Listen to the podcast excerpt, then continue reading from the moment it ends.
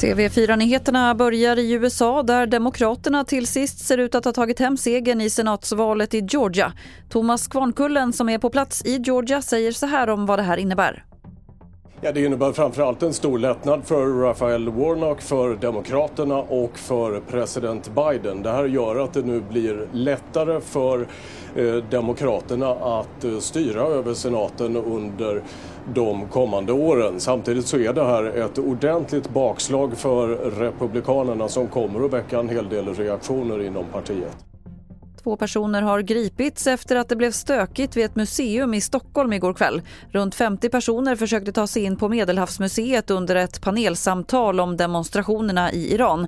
En av deltagarna i samtalen har tidigare anklagats av demonstranter för att vara regimvänlig och det var därför det blev hetsk stämning. Till sist kan vi berätta att det är allt fler bebisar som föds med kejsarsnitt. Det visar siffror från Socialstyrelsen. Och framförallt har de akuta kejsarsnitten ökat. Förra året var nästan var femte förlossning med kejsarsnitt.